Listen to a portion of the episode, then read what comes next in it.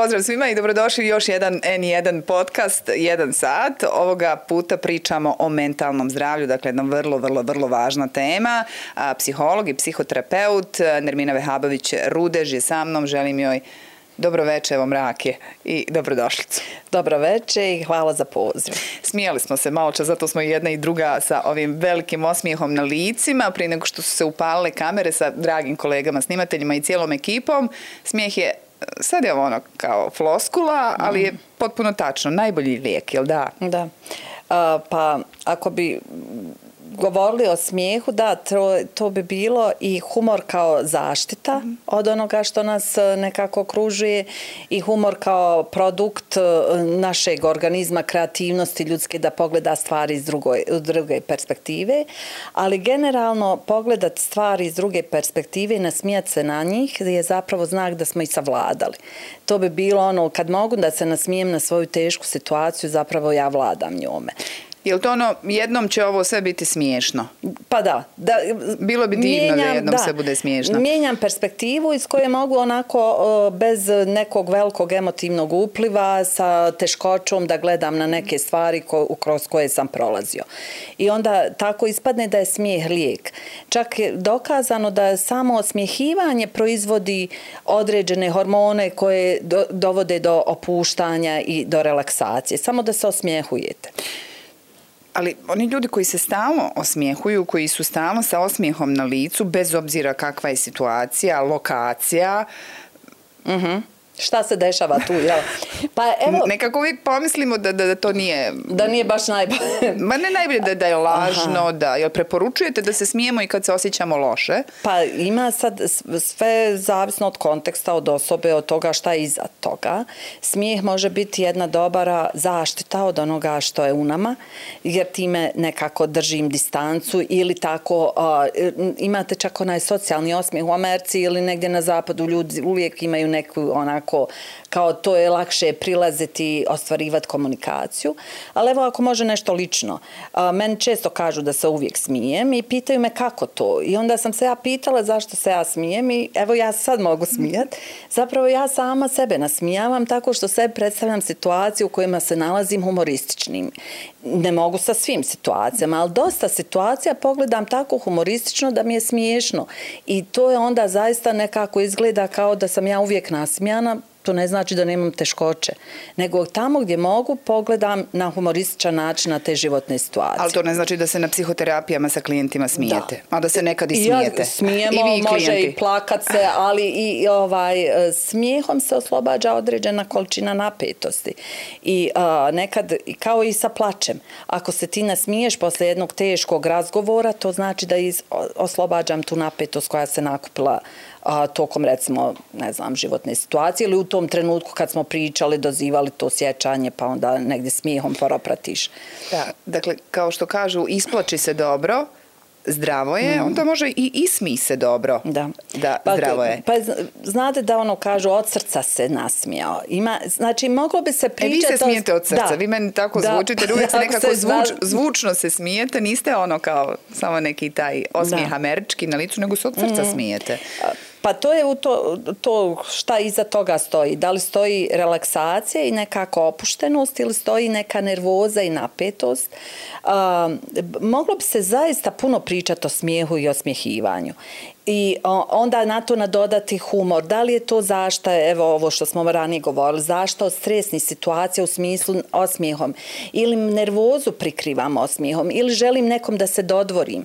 Ima onda opet tumačenje da ljudi recimo tumače da su u komunikaciji međusobno onaj ko se osmijehuje je dobar. I to im je vrlo lako onda da ulaze u komunikaciju, ako to ne mora značiti. Neko ko se osmijehuje ne mora biti dobar.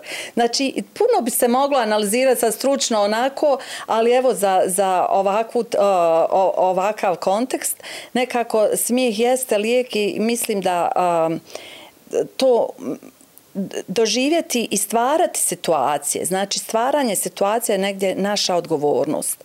Da kad sjedim da izaberem s kim ću sjeti barem jedna, dvije osobe u, u, u sedmici sa kojima se mogu relaksirati i opustiti, koje ne govore o teškim temama, da ne delegiramo teške teme, onda to ljekovito svakako djeluje na nas ja ću večeras vjerovatno delegirati neke teške, mm -hmm. ali isto tako uh, vrlo važne teme, ali da se uh, na čas još zadržimo na smijehu, uh, negdje zaključujem da je tačno i ono da drugi ljudi ipak više vole nasmijane ljude. Da, sigurno. Mrgude, namćore. Ali toliko, da, A, Baš e i ne tako, barem ne na prvu. To su ta, te komunikacijske zamke, znači nasmijan čovjek je, lakše ću mu prići. Da li će naša komunikacija nastaviti biti dobra, to je sad pitanje. To može biti onaj u, u, u nekako naštimani osmije, pa iza toga ne bude ništa specijalno ili bude konflikata i neadekvatne komunikacije. Isto kao što je čovjek koji je namrgođen, ne znači da je loš čovjek, nego je to neka odbrana i možda iza tamo stoji neki kvalitet koji treba vrijeme da se pokaže i tako dalje. A, uglavnom... Uh, Treba dati priliku svima, e, jel? Upravo to. Ka, ne previše ne, prilika, ne damo ja. sad svima prilike, jer onda nećemo... A, mislim da bitnim ljudima, zbog nečega bitnim, recimo na radnom mjestu, vrlo često izvor stresa neki kolega koji me nervira. I sad ako stalno o njemu pričaš i stavljaš ga u fokus, naravno da ćeš uh, se udaljavati s njim i stalno će ti on biti kao problem, ali evo on je zaslužuje da dobije priliku da pokaže, na primjer, neki kolega ili u porodici široj neki član porodice koji nije adekvatno onako po našim mjerilima, bitan ti je. Ne možeš otići jer je važan evo ne znam, u školi dje, za djecu i tako. Mm -hmm.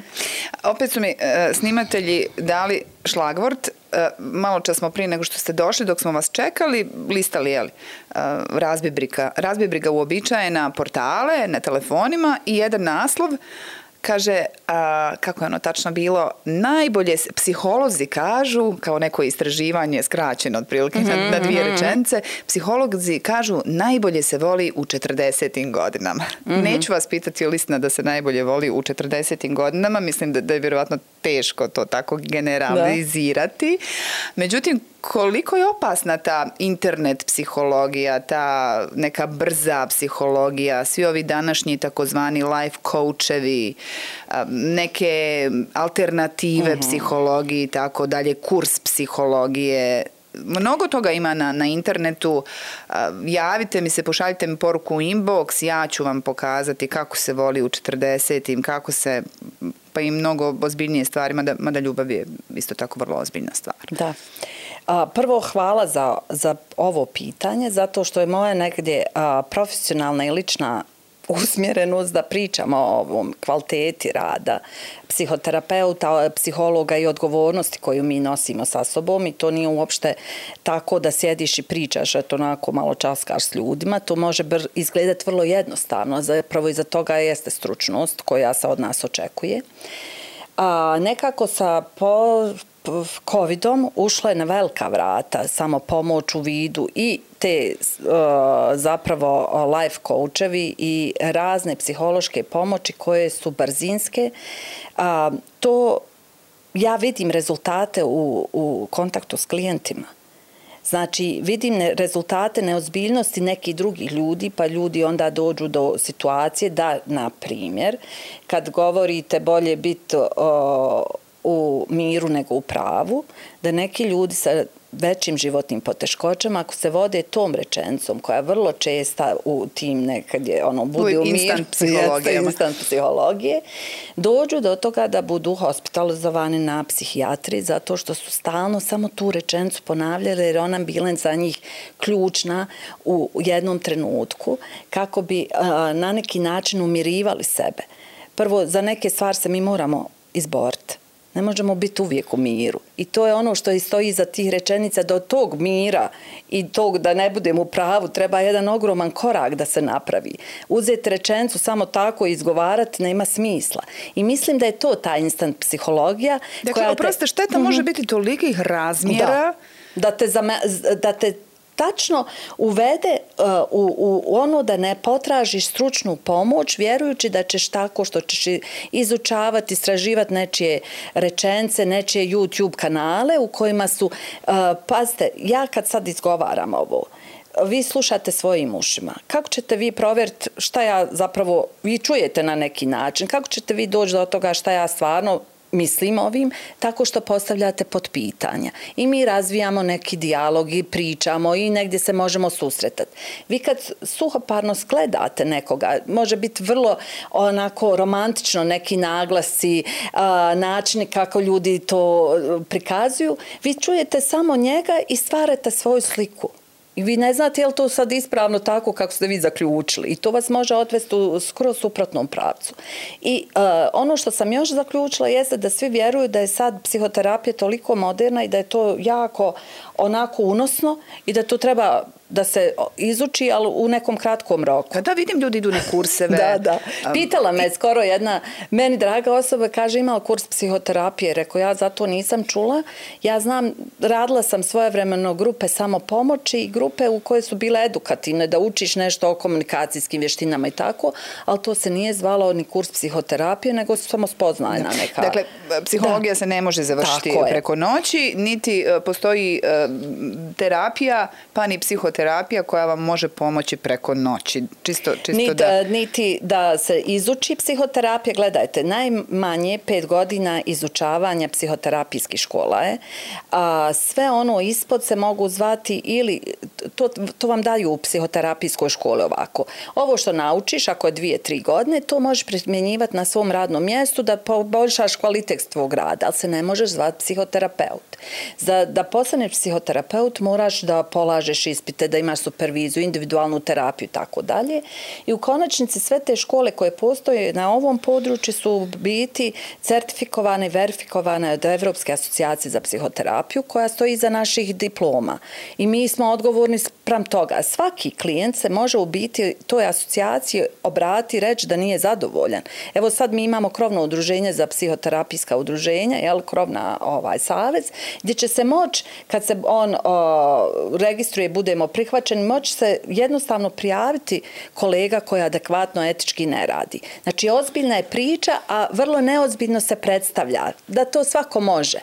I tako da mislim da tu velika šteta može da nastupi što ste i evo i vi Dakle, da pomognemo mhm. ljudima. Mm -hmm. Važno je odabrati stručnu osobu, Um, važno je, pretpostavljam, odabrati i adekvatnu psihoterapiju. Postoje različite vrste psihoterapija. Da. Ja znam da ja sad uh, postavljam vrlo teško pitanje da mi u kratkom roku mm -hmm.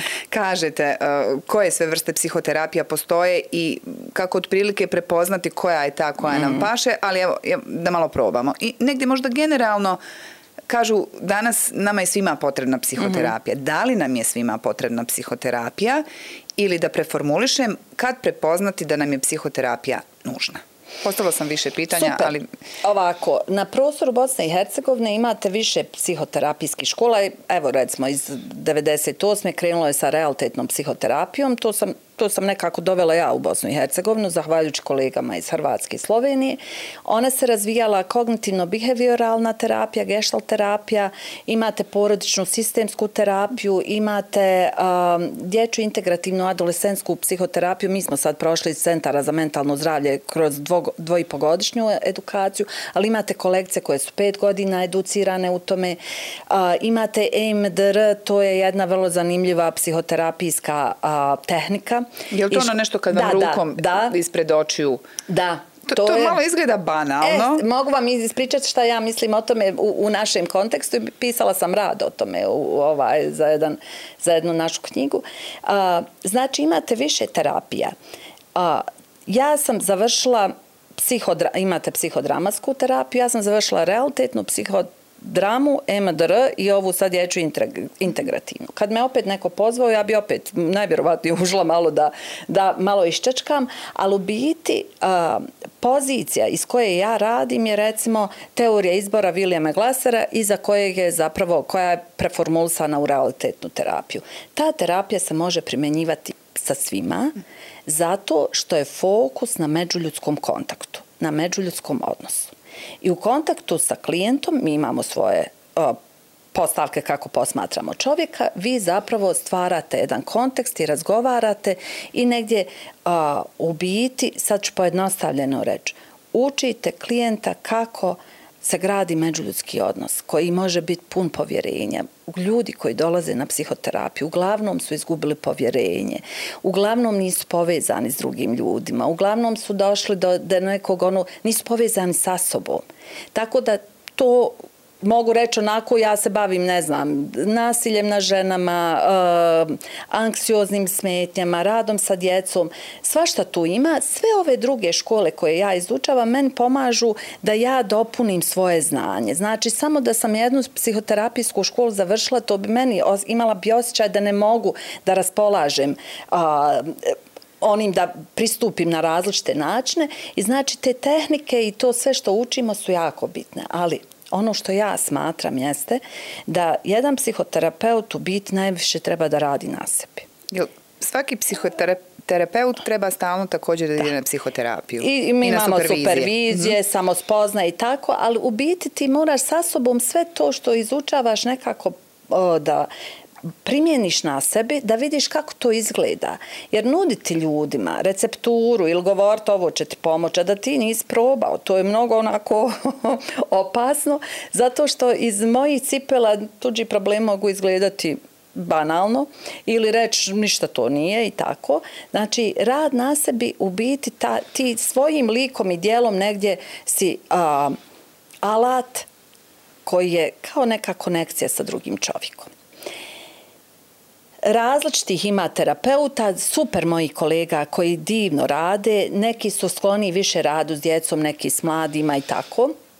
Ali generalno zna se isto, recimo kako ćete gledati, tako ste gospođa koja ima 50 godina, nećete sigurno otići kod nekog mladog terapeuta da pričate o bračnim poteškoćama. Jer je tu razlika u godinama, iskustveno. Znači to je. Ali svakako će jedno dijete moći otići kod mlađeg psihoterapeuta, adolescent. Dakle i na to trebamo da, obratiti to pažnju. je jako važno. Znači kontekst gdje, koji smo godina, da te neko može razumjeti iz svog životnog iskustva. Tako da, evo, to su mjere. Kad mene sad pitaju a, koga da preporučim, ja u biti ne volim preporučivati. Zato što ja ne znam šta drugi čovjek očekuje od terapeuta. I onda ja kažem imaš ovog, imaš ovog, ovaj, to su dobri ljudi, znam i, ali da li će to tebi odgovarati, ja sad ne znam, jer kad dođeš u susret sa osobom... I taj transfer da, je to, važan taj kontakt, to da li će se razviti i... ili neko ima super znanja teorijska, ali recimo jako je zakočen u kontaktu i onda to neko tamo sa strane kaže, ali divno, on je meni sve to lijepo izrekao, ali nije bilo ono kontakta koji sam očekivao. Da, zapravo je vrlo vjerovatno da ćete dok ne nađete pravog terapeu, terapeuta šetati, prošetati bar da, pa, ne, na dvije, nije dobro mijenjati. Uh mhm, -huh, ali dok ne nađete... Ali, uh, vaše mjesto. Kad, da, kad, kad vam dođe ono da, da tražite a, psihoterapeuta, malo prije ste pitali trebamo lična psihoterapiju. Ja bi, u stvari, ja sam osoba koja voli da onako se malo posmatra i od uvijek sam to radila. Ja bi uvijek rekla idite, probajte, ali nije svaki rad psihoterapijski. Znači, on ne mora imati kontinuitet. Znači, ako idete na psihoterapiju, imate ljude koji idu godinu dana redovno dok tako slože stvari u svojoj glavi. Imate negdje gdje odete na savjetovanje, gdje zapravo treba samo malo podrške. To je znak ono, aha, dobro je to, samo da malo povežem, to sam i ja upravo mislila, ali kao da mi je neko pomogu da malo to stavim u fioke, onako poreda. Znači, nije uvijek nužno da će to biti dugi psihoterapijski rad, a nekad možete, radi banalnosti, otići i vidjeti zapravo da ima puno toga da se radi i onda je negdje odgovornost psihoterapeuta da možda preporuči, možete još i tako.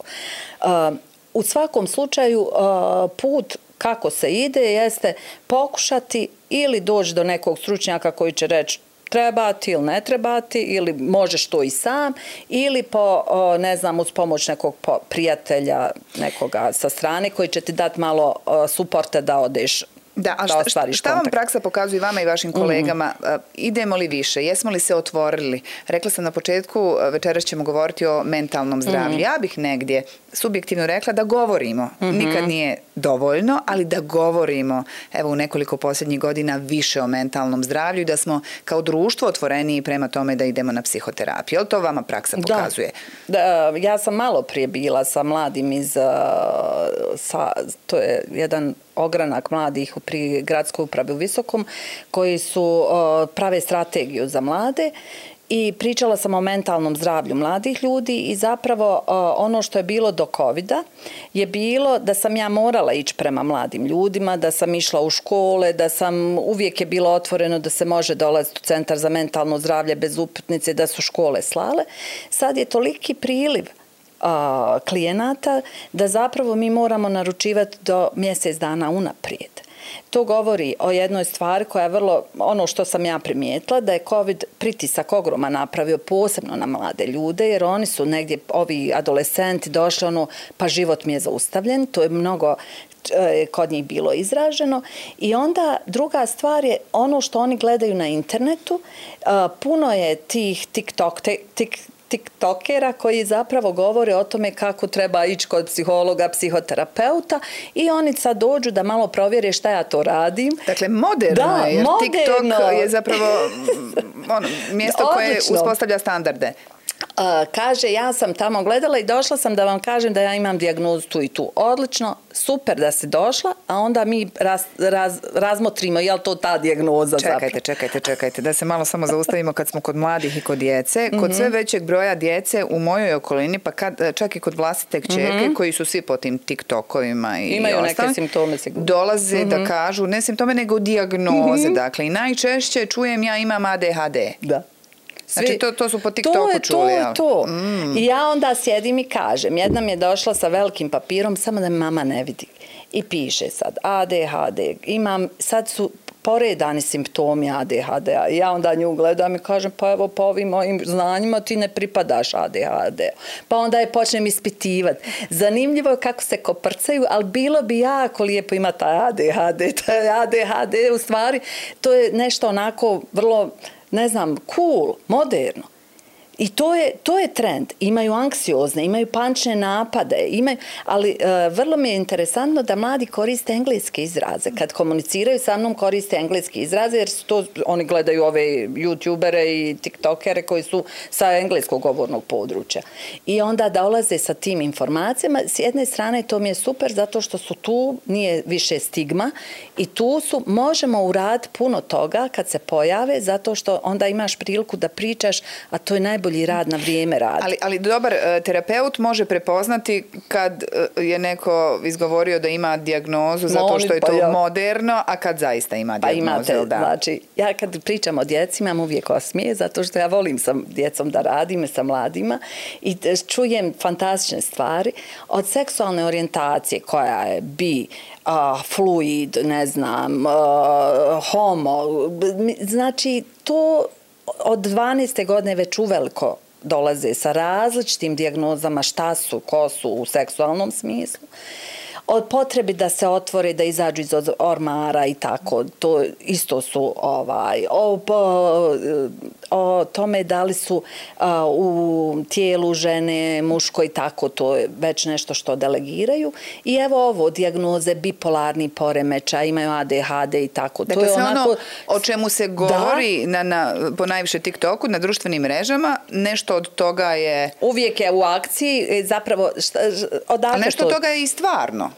Pa mislim da je to zapravo želje za posmatranjem sebe kao osobe i biti u fokusu, biti u pažnji, dobiti malo pažnje i malo analize o sebi, to je nekako s mladim ljudima, odnosno adolescencima ovako priraslo srcu, ali...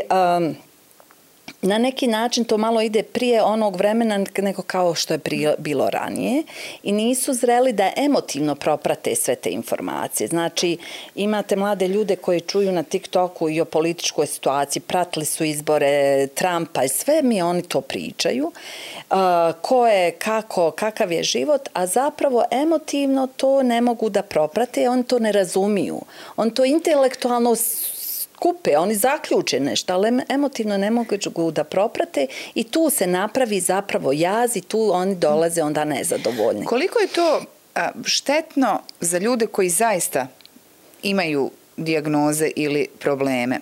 Sad ja razmišljam, neko ko nas sluša, evo mm -hmm. čuo je šta ste vi rekli, ako je pritom bio sklon tome da misli da su određene dijagnoze hir, Mm -hmm. Sebi će sad potvrditi da se tu radi o hiru, o modi, sad je moderno mijenjati uh, seksualnu orijentaciju, sad je moderno imati anksioznost ili depresiju, to su mišljanja, to su hirovi, međutim to su sve stvarne i realne diagnoze.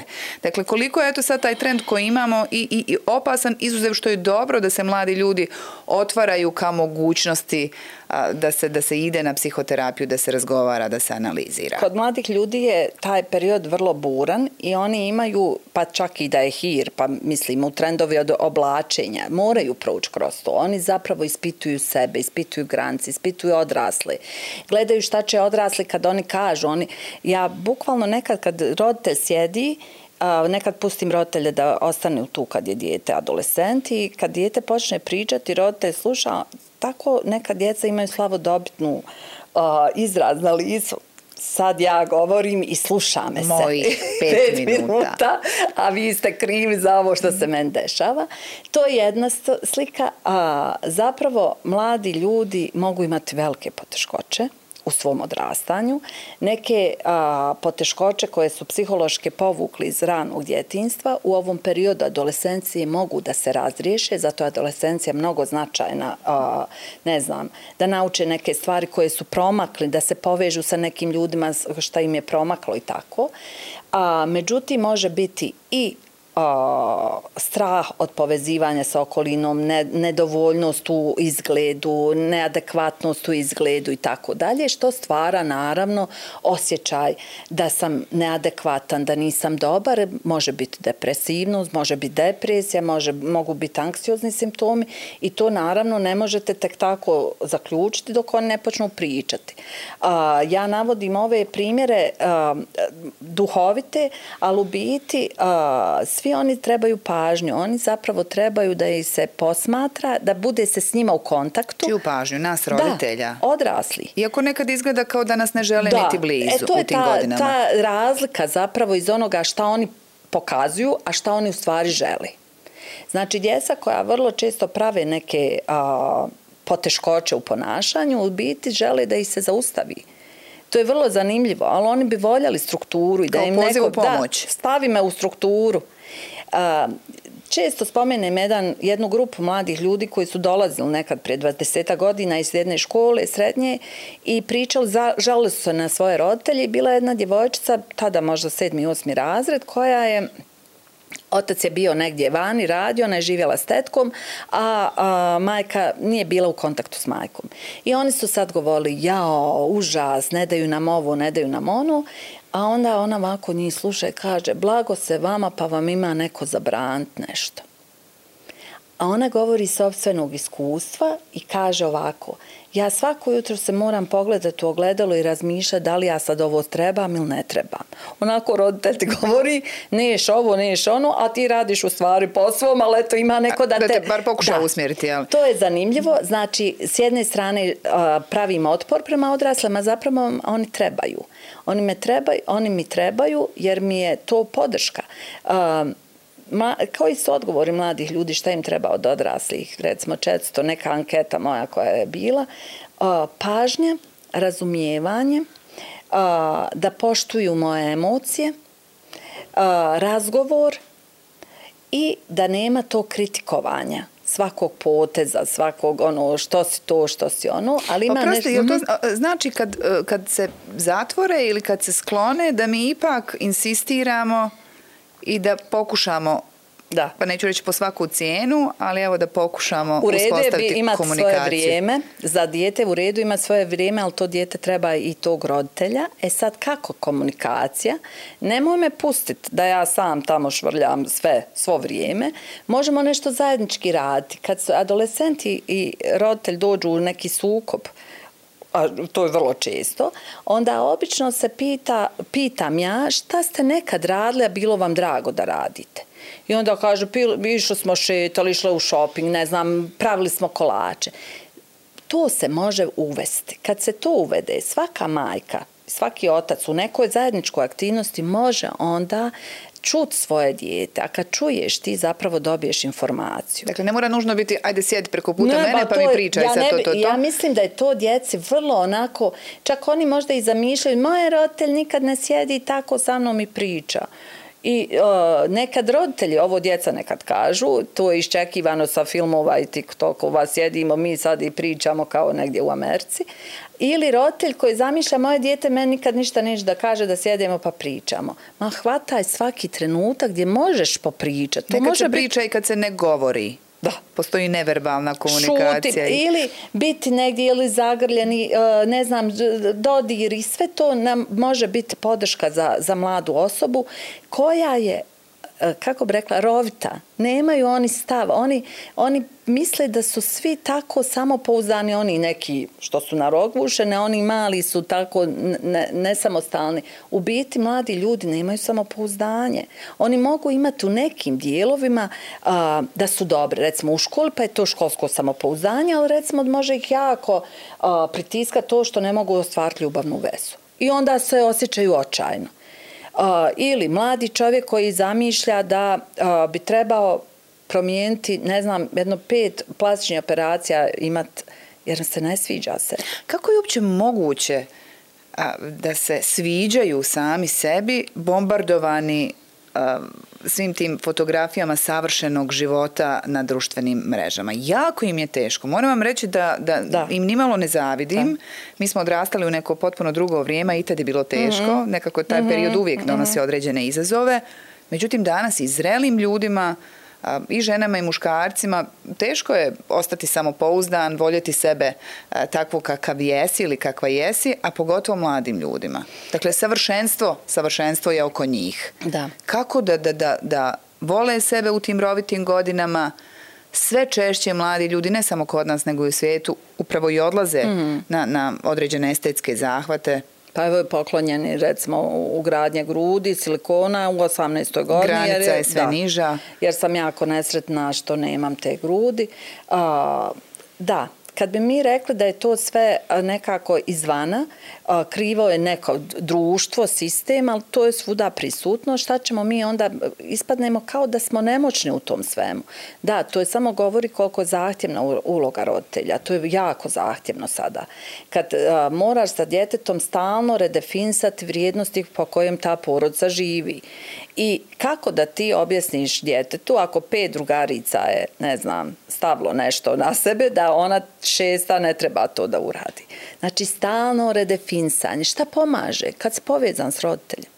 Ako si povezan, možda malo i povjeruješ onom roditelju u njegovim rečencama što to ne bi bilo, što nije argumentovan, e, kad dobije argument zašto to nije dobro, pa čak i odvođenje recimo kod ljekara koji će dati onda adekvatnu informaciju. A, mislim da je taj a, ideal ljepote, to ljepota je uvijek zamamna, jel? to je svi vole vidjeti lijepo i svi žele biti lijepe, ali zanimljivo je da svi žele biti isti nigdje nema tog individualizma koji je, ne znam, u moje vrijeme to bilo važno, da si nekako individualac, da ne pripadaš svima, da se malo odvajaš. Sad mi je nekako prisutno to da svi žele biti isti od to onoga... predimenzioniranost, da. velike grudi, da. mali nose, velike usne. Ne znam, o, obrve, ne znam, svi... A, evo, e, sad onda ja gledam tako internet i gledam lijepa žena napravila nešto, pa pa mogla bi ja ovo, jel? I onda razmišljam koliko meni kao uh, odrasloj osobi je teško da se odvojim od nečega što je lijepo i što je reklama. I ja brzinski povjerujem da je to možda moguće, jel? Znači, moramo nekako prihvatiti da oni toliko smo zasuti tim divnim stvarima, modom, izgledom i tako, da je teško mladoj osobi, a samo žele biti lijepi i poželjni. U tim godinama valjda to i želiš, da si nekako lijep, poželjan, da si cool, da, da, da, neko, da imaš neki status. I onda uh, vjerujem djeca koja su povezana sa svojim roditeljima, kad govorim povezana, da negdje uh, vide roditelje kao neke fine ljude. Inače, sa adolescent ne vidi roditelje kao fine ljude. To je, ona, to, to je čuveno. Po defaultu neprijatelji. Yes, neprijatelji koji me onemogućavaju da živim kvalitetno. Zapravo, ovaj, uh, perspektiva se vrlo brzo promijeni. Juče sam razgovarala sa jednom djevojčicom koja je rekla meni da su njeni roditelji mnogo konzervativni I a, to je bilo u prvom razu srednje i sad dolazi i kaže, pa znate, moji roditelji, ja sjetim tog razgovora, kažem, nešto, ti se, nešto se promijenilo, vjerujem da se nisu oni, šta misliš da se nije tvoja perspektiva promijenila, ona se poče smija, da, kako starimo, perspektiva nam se mijenja, vidimo drugačije, vidimo bolje. Tako da mislim da je ta zadaća u stvari je roditeljska. A mi bi stalno da djeca nešto shvate, da nešto oni znaju, da oni nešto prihvate, pa da mi malo ležernije to prolazimo kroz odgoj. Ali zapravo ja mislim da je odgoj ono, baš dok se živ, ti, odga, ti si tu, ti da. moraš biti tu. Eto, ako želiš nešto da, da, da se dešava fino. Da, kažete, kako starimo, perspektiva se mijenja, međutim, nekad um, neko čak i ne dočeka da ostari, dešavaju mm -hmm. se mm -hmm. tragične priče uh, ili bude prekasno kad ostarimo. Hoću da vas pitam jednu stvar. Koliko je vas, dakle, kao ženu sa tolikim iskustvom u radu sa, sa klijentima, ženu koja je čula različite mm -hmm. priče, različite iskustva, um, porazila vijest koju smo nedavno svi čuli i, i, i koja je šokirala, čini mi se, kompletnu javnost, da su u ovoj zemlji, u ovom gradu, dvije djevojčice od 14-15 godina ubile staricu. Jedno je od tih djevojčica, starica je bila i rod, mm -hmm. dakle, baka, mm -hmm. nana, majka, mm -hmm. evo kako ko zove, i da su još na kraju to pokušali prikriti. Sve, evo, prema nekoj istrazi, da ne idemo previše mm -hmm. u mhm. detalje, u, mm -hmm. u nekim okolnostima gdje se konzumirao alkohol mm -hmm. i tako mhm. dalje. Kako se to desi? Kad smo pitali na početku, to je, da, to je šokantno. To je šokantno. Mislim da to opet na društvenim mrežama oni imaju isto priča o tome sigurno kako bi se neko mogao ukloniti tako. Meni je porazno to što su nane, bake, majke u biti tople osobe ko, s koju djeca odrastaju, vrlo često zamjena za roditelje. I to je kvalitet koji se ne može zamijeniti. Te osobe su toliko bitne. E zašto se sad promijenio stav i da li to, to nije samo u ovom slučaju, ne mora tragično da završi. Kako te osobe onda izguramo iz svog svijeta da nam više nisu bitne, da su možda samo davaoci nekog novca ili pomagači da se ti osjećaš bitno i važno, dajem ti novac pa si nano zlato, jel, idem nane dok može mi davati novac. I više me nana ne zanima ili majka ili baka. A, kako je taj a, povezanost među ljudima, sad je pitanje kako se odrasli ponašaju prema starijim i to, sve to mi negdje emitujemo odrasli. I onda djeca to prate, pre, prepoznavaju, gledaju, snimaju i zaključuju. Uh, ono što meni pada na pamet da se ovdje radilo o konzumiranju neke substancije, pretpostavljam, i dovoljno je bilo samo da neko kaže da nešto neće. Raz, razmišljam o tome. Možda da nešto zabrani ili da se pobuni, da krene agresija. A, mi se uvijek čudimo na tu nekako egoističnost, jel, kad primijetimo kod nekoga, evo, kako može neko to da uradi u onom smislu da je samo sebi bitan, ali to se dešava i to, to je tako. Samo što mi možda ne, nismo, a, prije bilo je manje zato što su bili odnosi drugačiji. Ljudi su nekako više se bili povezani. Sad su ljudi jako a, u nekvalitetnim odnosima u bračnim nekvalitetnim odnosima, porodičnim nekvalitetnim odnosima. Više niko ne želi nikom posvetiti previše vremena, čak u porodici. Tako da mislim da to sve pokazatelj mladim ljudima da to da to, to se u, u mojoj terapiji kaže kad ti uh, osoba postane sredstvo. To je najgori mogući status koji može dobiti da si sredstvo nekome da se osjeća dobro u datom trenutku i ja te pomjeram kako mi odgovara. To mogu raditi raznim mehanizma, ne znam, neko to zove manipulacija, neko, ne znam, prisilom, ali zapravo ti si neki predmet koji je samo tako nebitan, nisi živo biće i to se u nas počelo dešavati. Mislim da je to u kod ti djevojčice pa šta ima veze? Evo, šta one ako su malo pratile uh, e, dnevnike i tako ostale informativne emisije i sve što se u nas prikazuje, pa vidi tamo da su kazne neke vrlo min, minimalne za određena dijela i vrlo žestoka dijela da su minimalne, tako da i to može biti pokazatelj. Ali bi voljela nešto reći što je vezano za ovo kako se to desi. Kažu da djeca, u stvari istraživanja su pokazala, da djeca snimaju kao kamerom do sedme godine. Poslije sve emitovanje. Znači, samo prate šta rade odrasli. Šta, sa... šta radimo oko njih, mi oko odrasli. Njih, da, da. I onda samo emituju, onda, a mi želimo odgajati kad su adolescenti. Mi tada se uključujemo i kreću zabrano.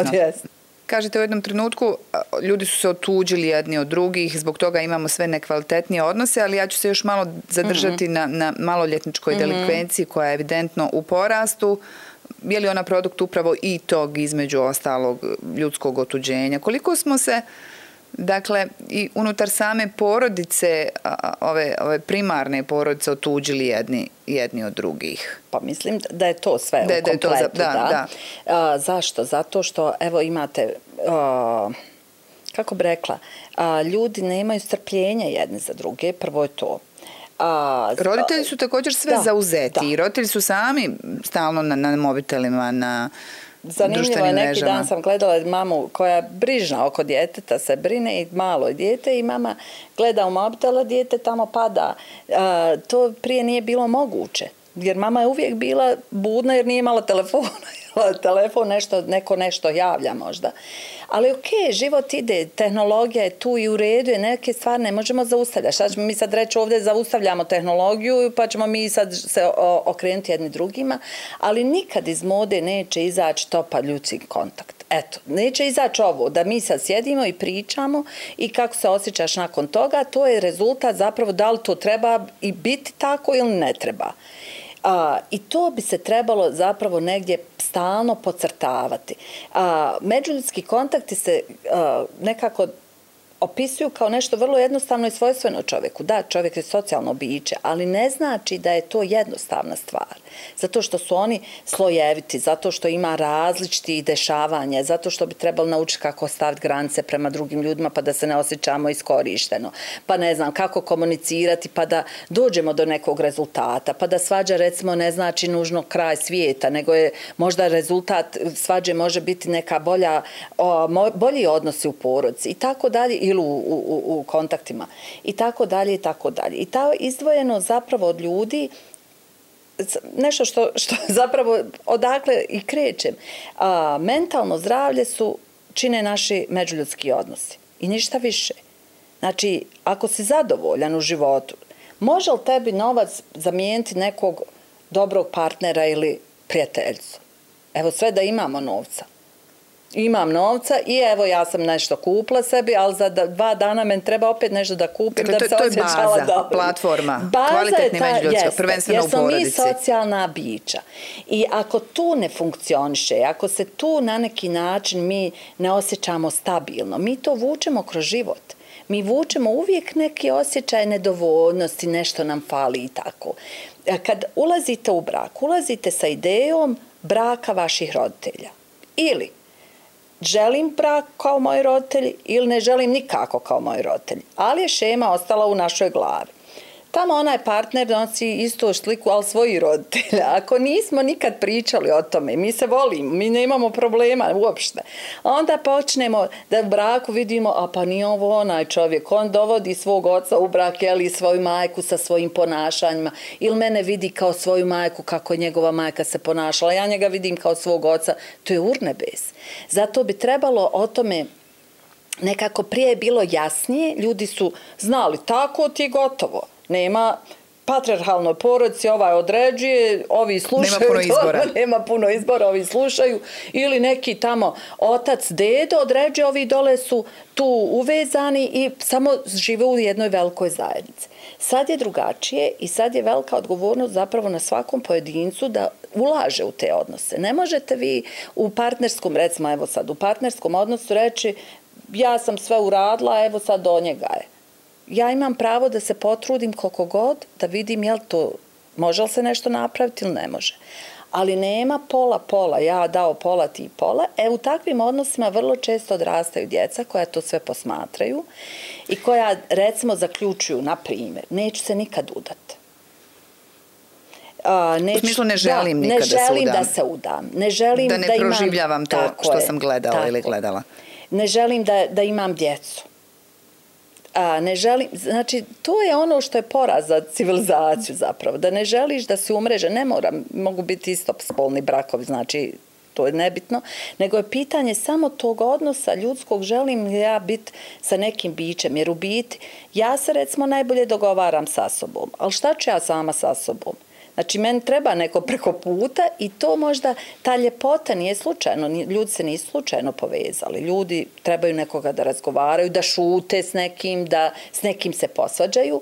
A, u biti, evo vidim, na zapadu mi kažu da recimo u Norveškoj se potiče a, da je jeftinije živjeti ako živiš u dvoje i da ti daju zapravo ta, na takav da, da, način, da, da. način te umrežavaju. Ne moraš potpisivati pa, papir, ali te umrežavaju ali to na nipošto ne znači da treba ostajati do vijeka da. u nekvalitetnim odnosima. Danas e, možda sad, imamo da. i e, enormno povećan broj razvoda, nekad ga nismo imali, ali smo imali i tada vrlo loše odnose da. unutar četiri zida. Tako je, koje se nisu vidjeli, koje o nisu kojima vidjeli, se nije pričalo. Da, i, i danas je uh, nasilje sve prisutno, dakle mm. i unutar uh, četiri zida na različitim relacijama. Ovih dana smo, da. nažalost, e, svjedočili različitim pričama. Mm -hmm. Jednu smo spomenuli, mm -hmm. pa smo onda čuli mladog glumca koji je mm -hmm. onako otvoreno govorio o nasilju unutar svoje porodice. Femicid po pitanju kojeg da. su statistike zaista poražavajuće.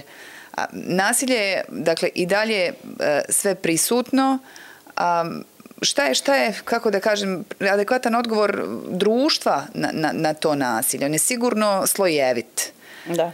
A, ali šta je ono što smo obavezni svi kolektivno Reći vam iz baze. Znači, ja se bavim, imam dosta iskustva u radu sa žrtvama nasilja i sa ženama i sa djecom. Uh, A, šta, šta je kroz praksu? A, prvo smo imali policajce i službenice, službenike koji nisu bili osjetljivi apsolutno na tu temu. Imali su mnogo problema zato što su negdje i smatrali da je muškarac recimo kao češći nasilnik u pravu i a, malo se to zarotiralo. To je malo sad dolaze mlade snage, educiranije, senzibilizirani su za, za pitanje nasilja. Ali onda zapnete na sudu negdje tamo ima neki tamo sudija. Zakon tumači svako na svoj način. Nama je pitanje tumačenja zakona. Ono što smo dalje, što, što ja dalje kroz praksu vidim, da je puno žena i dalje žrtva nasilja, imate muškaraca žrtava nasilja, ali imate puno a, korištenja nasilja a, i ugrožavanje pravi žrtava zato što neke žene preko toga žele ostvariti neka neke stvari. Dakle, manipulacije. Dakle. I a, prijavljivanje u policiju nekih slučajeva koji su onda adekvatno. Sad, prije ste morali čekati da bude a, zapravo a, priveden ili mjera a, zabrane pristupa, sad to vrlo brzo ide, znači tu se pomaklo, ali i dalje je enorman broj a, prijava nasilja, što neka, ne znači da nasilja nema, ima ga naravno, ali treba znati i kako, koja je odgovornost žrtve za to. Znači, trpljenje nije dobro. To je odgovornost mene kao osobe, da ja ne moram trpiti to. A, vrlo često, bez obzira koliko se priča o tome, žene trpe iz različitih razloga. Jedan od razloga je šta će mi nasakirat će im se moji bližnji, šta tiče djeca bez oca. A, možda je do mene, vrlo često su to žene sniženog samopouzdanja, pa vjeruju da su one krive za to što se dešava. Ekonomska nesigurnost, stambena nesigurnost, sve to prouzrači da se ja držim negdje. Ili nikome posle ovoga neće jer je žena totalno uništenog samopouzdanja. Ali vjerujem, oprosti, mm -hmm. da, da se nije lako da, boriti naravno, ni sa jednim. Od... Pa Zašto vas to pitam? Zato što smo i mi kao društvo vrlo često skloni da osuđujemo te žene koje ostaju a, na način sviđaju se, ne bi bila tu da, da, da, da je drugačije, zašto jednostavno ne ode, nije baš tako jednostavno otići, ili smo skloni tome da osuđujemo na način, to je baš onako neka radikalna kategorija, zaslužila je. Da to je muški, to je onaj da. nasilnički pogled, jel neko zasluži da te nije neko dobro ni jedna ni druga. Tako Trpljenje nije preporučljivo, ali, ali treba ga negdje pokušati i shvatiti. A, ja, to, kad radite sa ženama, a, morate naučiti da, recimo, kao profesionalac, da ne budete razočarani kad žena poslije, ne znam, rada bude pošto sam ja radila u, u ovaj kući koja se bavila zaštom žrtava nasilja, da žena nakon 6-7 mjeseci svih procedura koji prođe kaže, ma eto, pomirili se. I tu profesionalac koji nije ovaj, iskusan bude razočaran šta sam ja njoj dao. To je njen izbor. Na, e, o, ono što je važno da žena ima nekoga da bude uz nju. A zašto se ona vraća? Zato što je samopouzdanje jako nisko. I zato što svaka, kad ona razmišlja o tome, ona razmišlja unaprijed šta bi njoj moglo biti gore i onda ne želi, bolje mi i ovo što znam, nego ono nešto tamo, neizvjesnost koja će da me snađe. A, vrlo često se žene vraćaju nasilniku i treba u našim okolnostima opstati u tome. A, osude su ono što najgore što mi možemo uraditi, a najčešće su osuđivači žene zapravo. Žena ženu najviše osuđuje. O tome sam da. jako željela da pregovorimo. Da. Zašto je to tako? Pa mislim, ne, ne da mislim, nego postoji razlog. A, uvijek nekako suđujem ono čega se u biti unutra bojim i što bi se meni moglo na neki način desiti. Ja izgovaram ono što bi u sebi zatomila, jel? A, ovaj nekako, to, to je kontekst u kojem se a, ta savršenost vidi ja sam pravila dobre izbore, a ti si bez veze i ti ne praviš dobre izbore. Ja sam uspjela osoba koja misli da je pravila dobre izbore i da je uspjela u životu ima isto problem. Mislim u odnosu na ovu. Jel? Jer ti, čim se ti podižeš na neku razinu da si bolji od, ne, od nekoga u nečem, u življenju, pa mi niko nije uh, vakcinsan od poteškoće. I vrlo često ti koji dođu sa takvim stavom, men se ništa ne može teško desiti, zapravo budu vrlo uh, šokirani onda kad se to desi i teško im je prihvatat kad im se desi. Ja često govorim da zapravo žrtva nasilja svako od nas može biti. Jer nikad ne znaš, zanimljivo ti bude, uđeš u neki odnos, to ne mora muško-ženski odnos biti. Može biti na, na radnom mjestu, da ti uđeš u neki odnos sa tolikim povjerenjem prema osobi, dok ti to malo izvrtiš gore, dole, šta je, ti si tu i odjednom počne onda ogromna količina a, samo propitkivanje i krivnje. Možda sam ja nešto, možda je ovo, možda je ono i ti si u vrtlogu a, žrtva nasilnik u trokutu jednom i tražiš spas. Lako je otići s radnog mjesta kad si žrtva mobinga, nasilja i tako. Ali s porodice gdje si iz ljubavi krenuo, ženama je još i dalje romantična ideja braka. Znači, svako ko malo pogleda, ja sam recimo romantičar, u mene i dalje ta romantična ideja i a, ne toliko izražena koga sam bila mlada, ali to je nešto što je romantično i zašto bi ja to, ja ne želim da mi to propadne. Ne, ne nije bitan sad ni muž, ne, moja ideja Nego, braka, brak. ja ne želim da mi ja. propadne. I onda se ja svim silama trudim da to držim u kako treba nekom je porodica, nekom je slika uh, življenja njegovih roditelja. Znači, to nas ostavlja. Jedna mi je klijentica jednom rekla, moja Nermina, pa mene, znaš, nisam se osvrtala na ovo šta se oko mene dešavalo, ja sam uvijek gledala moja kućica u cvijeću. Nebitno, ja samo vidim kućicu u cvijeću i mi sretnik okolo šetkamo, ne znam, i, i smijemo se. To šta je unutra, ja kaže, ja kad je došlo do nasilja, zapravo vidim. Kako se desi da ne primijetimo depresiju kod bliskih osoba koja je tolikih razmjera da na kraju rezultira samoubistvom. Mm evo, recimo nekad... Postoje neki recentni slučajevi, ne želim mm -hmm, sad ko mm -hmm, biti mm -hmm. konkretna, pretpostavljam da, da mm -hmm. i vi mhm. znate o čemu je riječ. Mm -hmm. I najčešće od tih bliskih osoba čujete da nisu mogli ni naslutiti, dakle, da se može nešto tako tragično desiti, kao oduzimanje vlastitog života. Da. Ja mislim da to o, sad, mi bi svi mogli imati izgovore. Znači, mi možemo brzina života, nismo stigli danas, nismo stigli juče i to je ono u stvari što te negdje psihoterapijom ili razgovaranjem ovako vratimo, trenutak je bitan, a, susret je bitan, a, jer u susretu ti sa bliskom osobom vidiš neku tugu, ne moram diagnosticirati ništa i kažem samo šta se dešava. Evo, dovoljno to. Ili tu sam za tebe.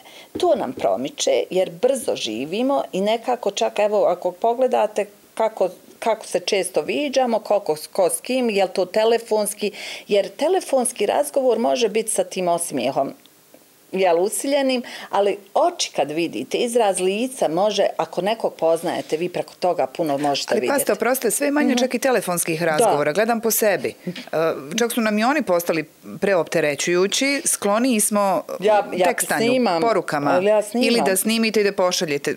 Kao bijeg od drugog, stvarno, to doslovno otuđivanje. Možda će me neko nešto pitati, a sad nemam vremena za da, to. Da, da, da, da ja svoje ovo izbacim, da. pa da, oprostite, prekinula sam to vas. Je, evo, i onda nam promakne, ali ne bih ja da, kako bi rekla, da o, o, ogromna je krivnja ljudi bliskih onima koji su počinili suicid zato što nešto nisu primijetili. Pazite, ljudi o, nekad kriju i organske bolesti od svojih bližnjih da ih ne bi uznemirili. A, zato što vjeruju da ako kažu da će se ovi sekirati, a onda šta ću od toga.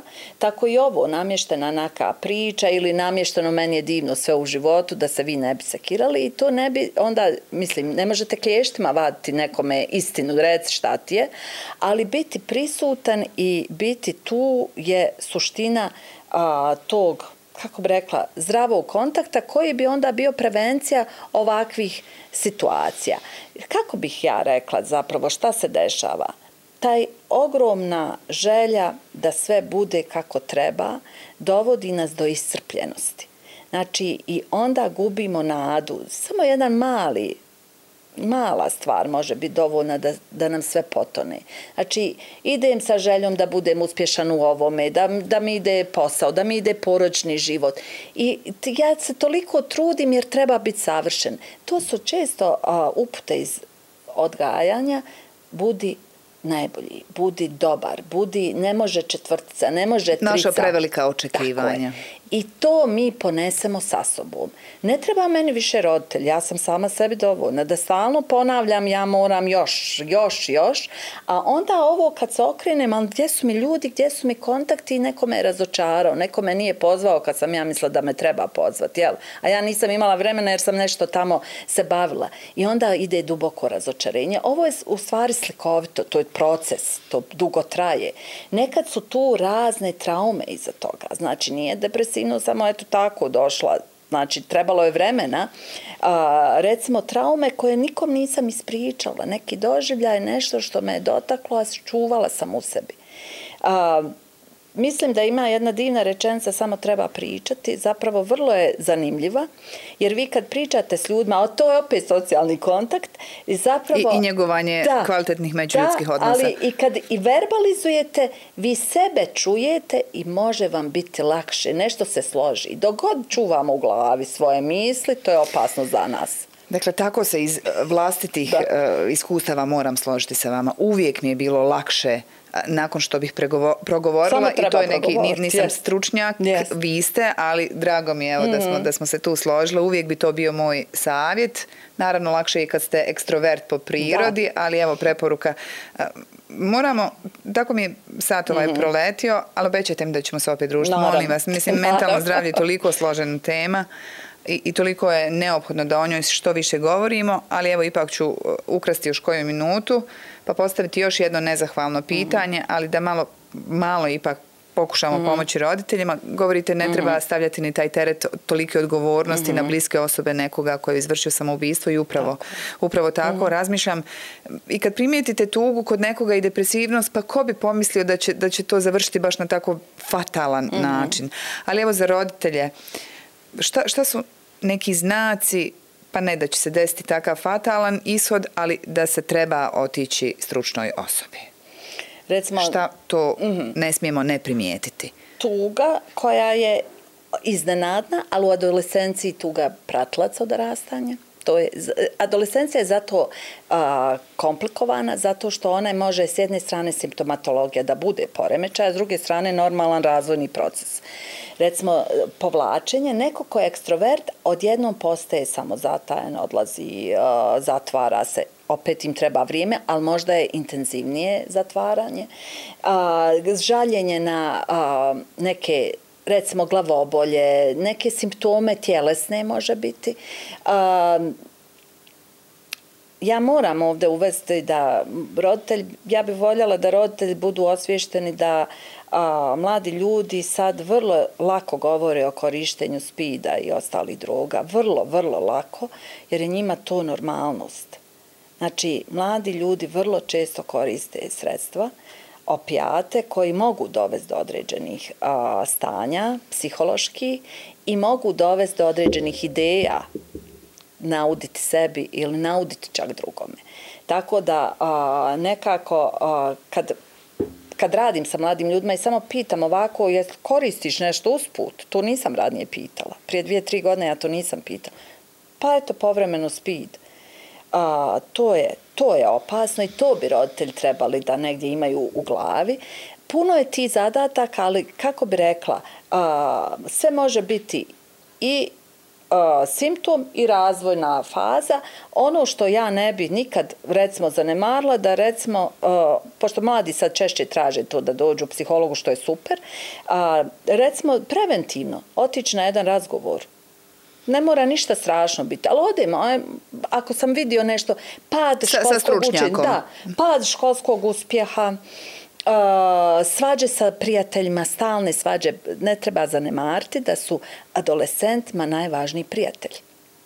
Oni svršnjake ga traže. I tu ako su odbijeni, oni mogu puno da pate. Znači, manje je njima bitno šta će roditelj. Roditelj se svakako previše bave tada s njima, od njima je to viškalo, hoće i, ali vršnjaci, tu ako dođe do odbijanja, tu su prelomi, tu je osjećaj neadekvatnosti, tu je osjećaj da nisam dovoljno lijep, pametan i tako dalje. E to pratiti, s kim se moje dijete druži, šta je, bilo bi divno da su roditelj povezan, vrlo često nisu jedni s drugima i ne znaju se međusobno ko se s kim druži. Ja mislim da je to isto bitno, da roditelji znaju s kim, ko su djeca i ko su roditelji te djece ne zato da bi ono provjeravala da, mi, da li pripadaju, nego jednostavno da možemo se uvezati, ne mogu izmišljati, ne mogu da možemo biti u dosluhu. Tako je, dosluhu. Evo, to su neke, ne, ne mogu biti konkretnije, jer to... Bili ste jako da. konkretni. Mm -hmm. Zavirimo malo, mm -hmm. posjetimo malo svijet naše mm -hmm. djece, nije to baš tako kako mi mislimo da jeste. I šta još vrlo zanimljivo, pitajte djecu zašto im se sviđa neki pjevač, neki youtuber, neki a, tamo važna ličnost iza toga stoje vrijednosti koje su njemu u prvom planu. I kad to čujete, onda možete znati otprilike... Vrijednosti koje ta osoba ta, propagira. Čim, ta osoba, čim je njemu taj neko interesantan, to je neka vrijednost iza toga. Koje dijete cijeni, nešto mu je važno Jasne. u tome sjajno, mislim da je ovo vrlo važna poruka. Poruke, i, i, i ja sam ostala zatečena mm. ovom informacijom koju ste podijeli sa nama da, da mladi ljudi sve više uzimaju mm. uh, speed, da. evo konkretno. I možda i ono za roditelje, budimo svi svjesni da, da mladi ljudi sve više imaju nekoliko profila na društvenim da. mrežama, onaj koji je dostupan nama, zapravo je imaju samo telefona. za nas. Samo za nas. Imaju telefona, imaju a, dosta profila koji su namijenjeni a, njihovim mm. prijateljima, vršnjacima koji su imali mm. mjesto osobe od kojih najviše žele potvrdu. Da. I to im je u korak su ispred. Prije, prije će oni nas mm -hmm. zeznuti nego mm -hmm. mi njih, ali uh, otvorimo širom oči u svakom da. slučaju i održavajmo kontakt mm -hmm. i njegujemo odnosa. Hvala vam puno. Hvala, Hvala vama puno. za poziv. I, I stvarno se radim da se opet družimo. Hvala, rad. A, Nermina Vehabović, e, rudež, psiholog i psihoterapeut, uvijek mi je, e, kad je ovo zanimanje u pitanju, teško ispoštovati džender, mm -hmm. nekako da, da. nespretno lomi se jezik. Bila je naša gošća, hvala i vama. Nadam se da vam je bilo zanimljivo biti sa nama u još jednom izdanju podcasta 1 sat. Vidimo se.